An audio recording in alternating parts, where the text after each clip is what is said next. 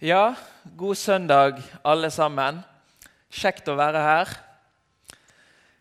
Når Pareli spurte meg eh, om jeg skulle tale nå etter nyttår, så var jeg litt opptatt av at det ikke måtte bli fornærmt fødsel til Ingvild. Så eh, hvis eh, jeg plutselig må gå, så vet dere hvorfor. Prekenteksten for i dag er hentet ifra Johannesevangeliet, kapittel 1, og vers 15-18. Og Før vi leser den, skal jeg bare si litt innledningsvis. Forrige tale som ble holdt her på søndagsmøtet, var jo Nils Håkon om Guds lam, bare noen vers etter vår prekentekst. Og Njål Skrunes hadde verset før vår prekentekst. Og I dag er det 15-18. Så vi er inne i åpenbaringstiden av å få se Jesus. Vi leser vers 15-18. Johannes vitner om ham og roper ut. Det var om ham jeg sa, han som kommer etter meg, er kommet før meg, for han var til før meg. Av hans fylde har vi alle fått nåde over nåde. For loven ble gitt ved Moses. Nåden og sannheten kom ved Jesus Kristus. Ingen har noen gang sett Gud, men den enbårne, som er Gud, og som er i fars favn, han har vist oss hvem han er. Kjære Gud, hellige oss i din sannhet. Ditt ord er sannhet. Amen. Vi er i de fire siste versene i Johannesprologen. Og Johannesprologen er mektig. Det er innholdsmettet, og det er dypt. Vi hører om Kristus som er ordet fra begynnelsen av, som alltid har vært. Han som er opphavet til alle ting som er til. I han var livet og lyset, og Johannes døperen vitner om lyset. Og så er det det mektige vers 14 om dette ordet som ble skjød og tok bolig iblant oss. Og Etter det verset så kommer altså Johannes døperen sitt vitneutsagn. Han som kommer etter meg, sier han. Og Det hadde ikke stått fram en profet i Israel på over 400 år. Fra den siste boken i Det gamle testamentet, Malaki, og helt til nå hadde det vært taust blant Herrens profeter. Og så er det en engel i tempelet som taler til far til Johannes døperen, Zakaria. Og engel sier, 'Han skal gå i forveien for Herren med samme ånd og kraft som Elia.' Dette var altså talt om Johannes døperen. Og Hvis vi husker profeten Elia i Det gamle testamentet, så var han en domsprofet som gikk til kong Ahab og konfronterte han og hans avgudsdyrkelse. Johannes han forkynte omvendelse og praktiserte, omvendelsesdåpen. Han ryddet vei for Jesus og var denne domsprofeten som gjorde banen klar til at nådeprofeten Jesus skulle komme på banen. Samme profetpar kan vi trekke parallell til med Elia og Elisa og Johannes døperen og Jesus. Jesus kommer etter Johannes døperen i tid og et, altså hans gjerninger etter det som Johannes døperen har gjort. Men likevel så sier Johannes døperen at Jesus er kommet før. Jesus er kommet foran Johannes. Og Han sier at han, han var ikke verdig til å løse skoremmen hans. Jesus er fra evighet av. Han er jo den som himmel og jord ble skapt ved. Alle ting. Historiens herre. Jesus er den som er opphavet til Johannes sine ord, som det han forkynner, og som sjøl har skapt Johannes. Jesus har vært der hele tiden. Og Jeg tenkte på en film som jeg og Ingvild så nå i, i julen, 'Narnia'. Der er det en scene som, er, som har et veldig stilig sitat. Løven Aslan er jo bildet på Jesus. Og så har du denne heksen, dronningen, som er bildet på djevelen. Og så anklager heksen løven Aslan. Og så sier hun at Husker ikke du, Har du glemt de lovene som Narnia ble bygget på? Og så svarer løven Aslan Den engelske oversettelsen er sånn Do not cite deep magic to me, witch. I was there when it was written. Jeg var der når det ble skrevet. Jesus var der når hele Det gamle testamentet ble skrevet. De vitner om han. Han var der før. Han er Ordet. Når israelsfolket gikk gjennom ørkenen, så var det Kristus som fulgte dem. Det leser vi i 1. Korinterbrev 10, at Kristus var klippen. Og Hvorfor er døperen Johannes så opptatt av å fortelle at Jesus er kommet før meg? Jo, Jesus hvem, hvem er det vi har med å gjøre? Han vil vise at denne Jesus som kommer etter meg, han er den evige Gud. Og da er spørsmålet som vi må stille oss Hva ser vi? Ser vi Jesus? Ser vi hvem han er? Vers 16. Av Hans fylde har vi alle fått nåde over nåde. Og Det syns jeg er et utrolig sterkt og fint uttrykk. Nåde over nåde. Jeg tenker på klagesangene tre. Men én ting legger jeg meg på hjertet, og dette gir meg håp. Herren er nådig. Vi går ikke til grunne. Hans barmhjertighet tar ikke slutt. Den er ny hver morgen. Din trofasthet er stor. Den er ny hver morgen. Han tar ikke slutt. Det er som en bølge som skyller inn over land. Når en bølge med nåde kommer, så har vi bruk for en ny nåde neste dag. Og så kommer en ny og ny nåde. Det betyr jo egentlig nåde stablet oppå nåde. Kristenlivet vårt det begynte med nåde. Det var bare nåde at vi ble frelst. Vi fikk tilgitt alle våre synder. Det var bare nåde.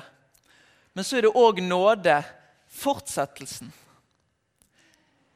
Vi, vi, blir ikke mer og mer uavhengig. Vi blir mer og mer avhengig av nåden jo lenger vi kommer. Nåden er det som skal bære oss hele veien. Og det står faktisk i 1. Peters brev Sett håpet fullt og fast til den nåde dere skal få når Jesus Kristus åpenbarer seg. Sjøl der framme, når Jesus Kristus skal åpenbare seg, skal vi få nåde. Det er nåde hele veien. Det er sterkt, det som vi synger i sangen 'Det enda som bær'. Det enda jeg vet, det er at nåden rekker. At Kristi blod min synd, min skyld bedekker. Det enda jeg har at lita til en gang, det er Guds nåd. Guds grenseløse nåd. Det eneste. Nåde over nåde. Det er det Jesus kommer med. Så leser vi i vers 17.: For loven ble gitt ved Moses, nåden og sannheten kom ved Jesus Kristus. Loven ble jo gitt ved Moses og den gamle pakt, nærmere bestemt Mosebøkene. Og I Hebreabrevet så står det et vers om denne loven. Der står det at loven inneholder bare en skygge av alt det gode som skulle komme, ikke det sanne bildet av tingene. Så det som de i Det gamle testamentet opplevde, det de fikk høre, det var bare en skygge av det som skulle komme. De, de sanne tingene, det fulle bildet, det kom ved personen Jesus Kristus. I Det gamle testamentet så ofret de bukker og kalver men det står at de kunne aldri virkelig ta bort synd. Det kunne bare han som heter Guds lam, som kommer inn med den nye pakt og ble ofret én gang for alle. Guds lam er det som virkelig kan ta bort synd.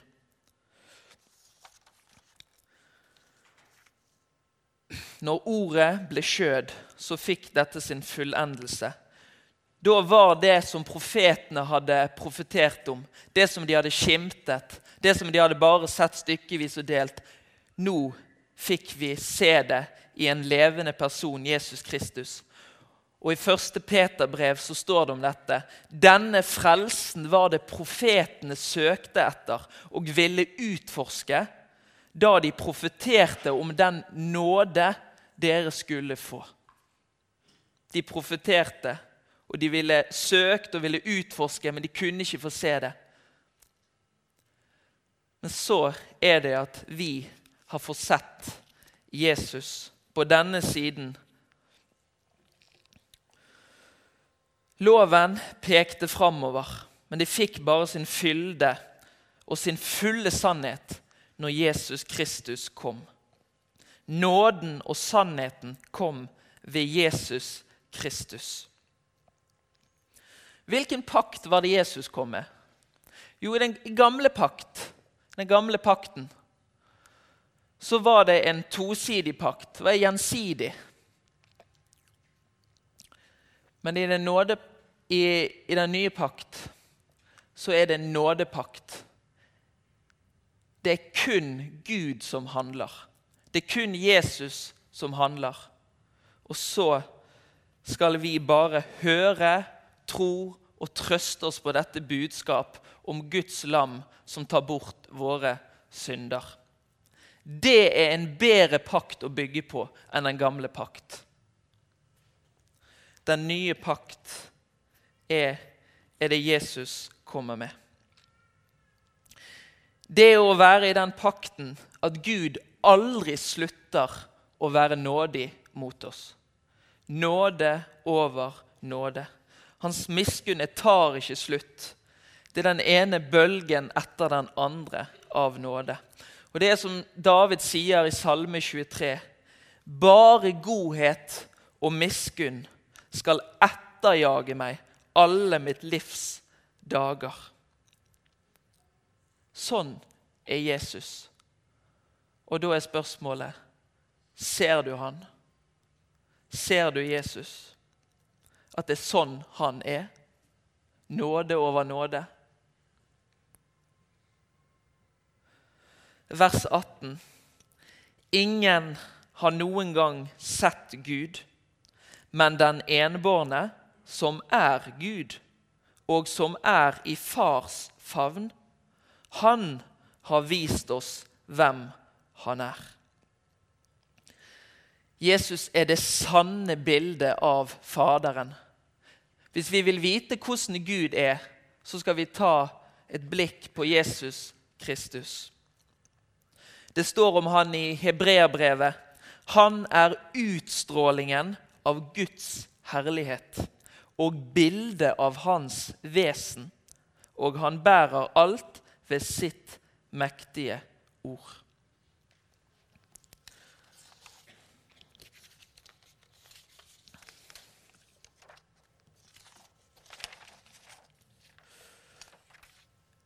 bli med til Johannes 14.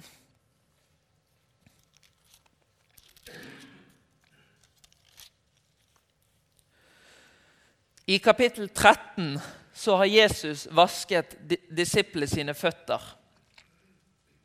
Og nå i kapittel 14 så har han disse kjente ordene med at 'Jeg er veien, sannheten og livet'. Men så sier Philip til Jesus, 'Herre, vis oss Far. Det er nok for oss.' Jesus svarer, 'Kjenner du meg ikke, Philip?' Enda jeg har vært hos dere så lenge.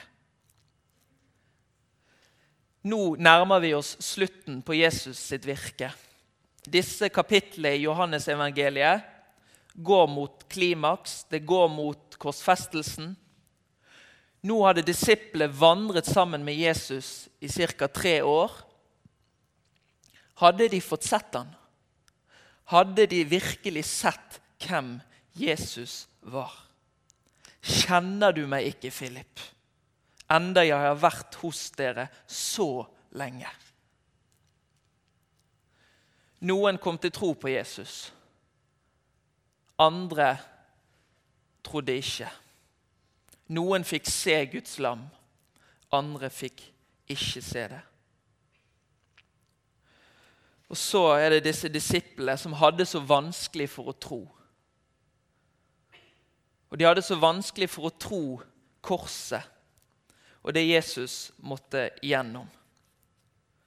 De hadde så vanskelig for å se virkelig hvem han var, og hva han skulle gjøre. Kjenner du meg ikke, Philip? Enda jeg har vært hos dere så lenge. Den som har sett meg, har sett Far, sier Jesus. Den som har sett Jesus, har sett Faderen. Jesus er den evige Gud, den evige jeg er. Hvordan kan du da si 'vis oss Far'? Tror du ikke at jeg er i Far og Far i meg? De ord jeg sier til dere, har jeg ikke fra meg selv. Far er i meg og gjør sine gjerninger. Det er et nært forhold mellom Jesus og Faderen. Og Jesus sier Jesus tok til orde og sa til dem i Johannes 5.: Sannelig, sannelig, jeg sier dere, sønnen kan ikke gjøre noe av seg selv, men bare det han ser sin far gjøre. Det far gjør, det gjør også sønnen. De er ett. Og Det var det vi leste i teksten vår her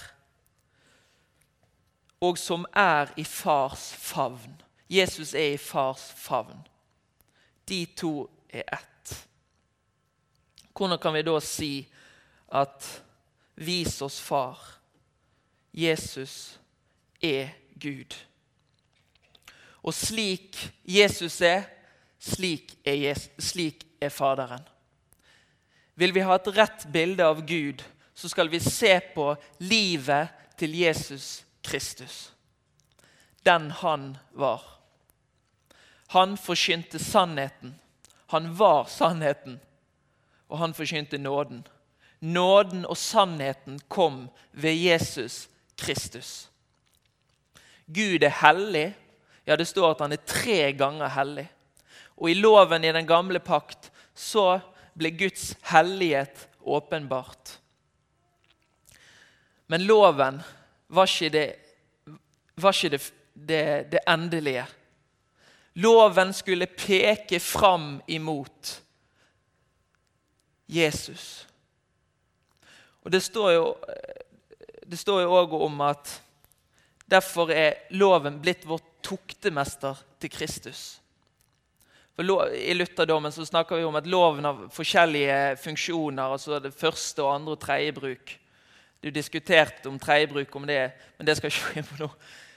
Men loven etter dens andre bruk, det at den skal dømme oss, vise oss at vi er syndere, for å så å peke, dra oss mot Kristus. loven skulle peke fram mot. Den skulle vise oss at vi er syndere, at vi ikke strekker til. At den pakten som Gud inngikk med israelsfolket på Sinai, det var en pakt som vi ikke kunne holde. Det var en pakt som det ikke var noe håp i for oss. Men den skulle lede fram mot den nye pakt. En bedre pakt som er bygget på bedre løfter, nemlig på Jesu blod. Og det blodet renser ifra all synd. Se på Jesus Kristus, og så ser du hvordan Gud er. Og jeg vil si det mest ultimate med personen Jesus Kristus. Det er hans kjærlighet som gir sitt liv for sine venner. Disiplene de var noen luringer. De lovet mye, og Peter hadde jo store ord før korsfestelsen. Men så står det det at alle sammen av disiplene sviktet Jesus og falt fra. Og så blir Guds lam ofret for verdens synd og for disiplenes synd. Og jeg vet ikke hvor mye disiplene forsto av det. Men når Jesus står opp fra graven påskedag, så kommer han ut av graven med evangeliet. Og når disiplene står Eh, er inne i lukkede dører og er redde, så kommer Jesus til dem. Og da sier han ikke 'fy dere som ikke trodde meg'. 'Fy dere som sviktet meg når jeg trengte det som aller mest', som sovnet i hagen. Som ikke kunne være der for meg, og som bare har sviktet. Det var ikke det Jesus sa. Jesus kom med nåde. For møtet med Kristus er nåde. Bare nåde. Det fikk disiplet erfare. Og Det er derfor Peter sier i sitt første brev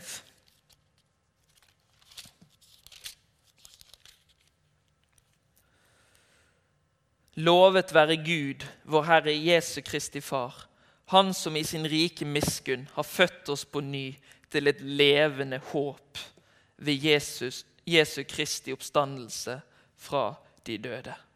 Det er et levende håp vi har i Jesus. Den Gud som vi tror på, det er en Gud som har gått i døden for oss. Og da trenger vi ikke å frykte den dagen vi skal stå fram for Gud i evigheten.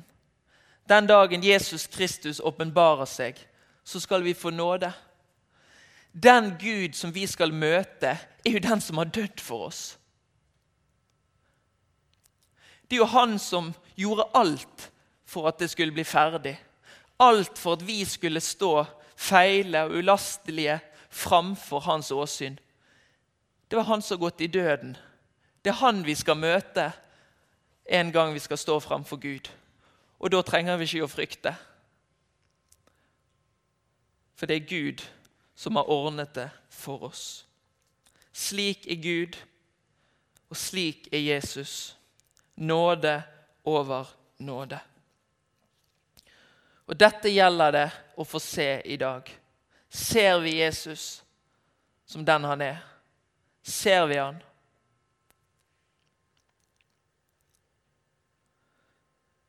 Den som eier Sønnen, eier livet. Vi kan avslutte med det. 1. Johannes 5.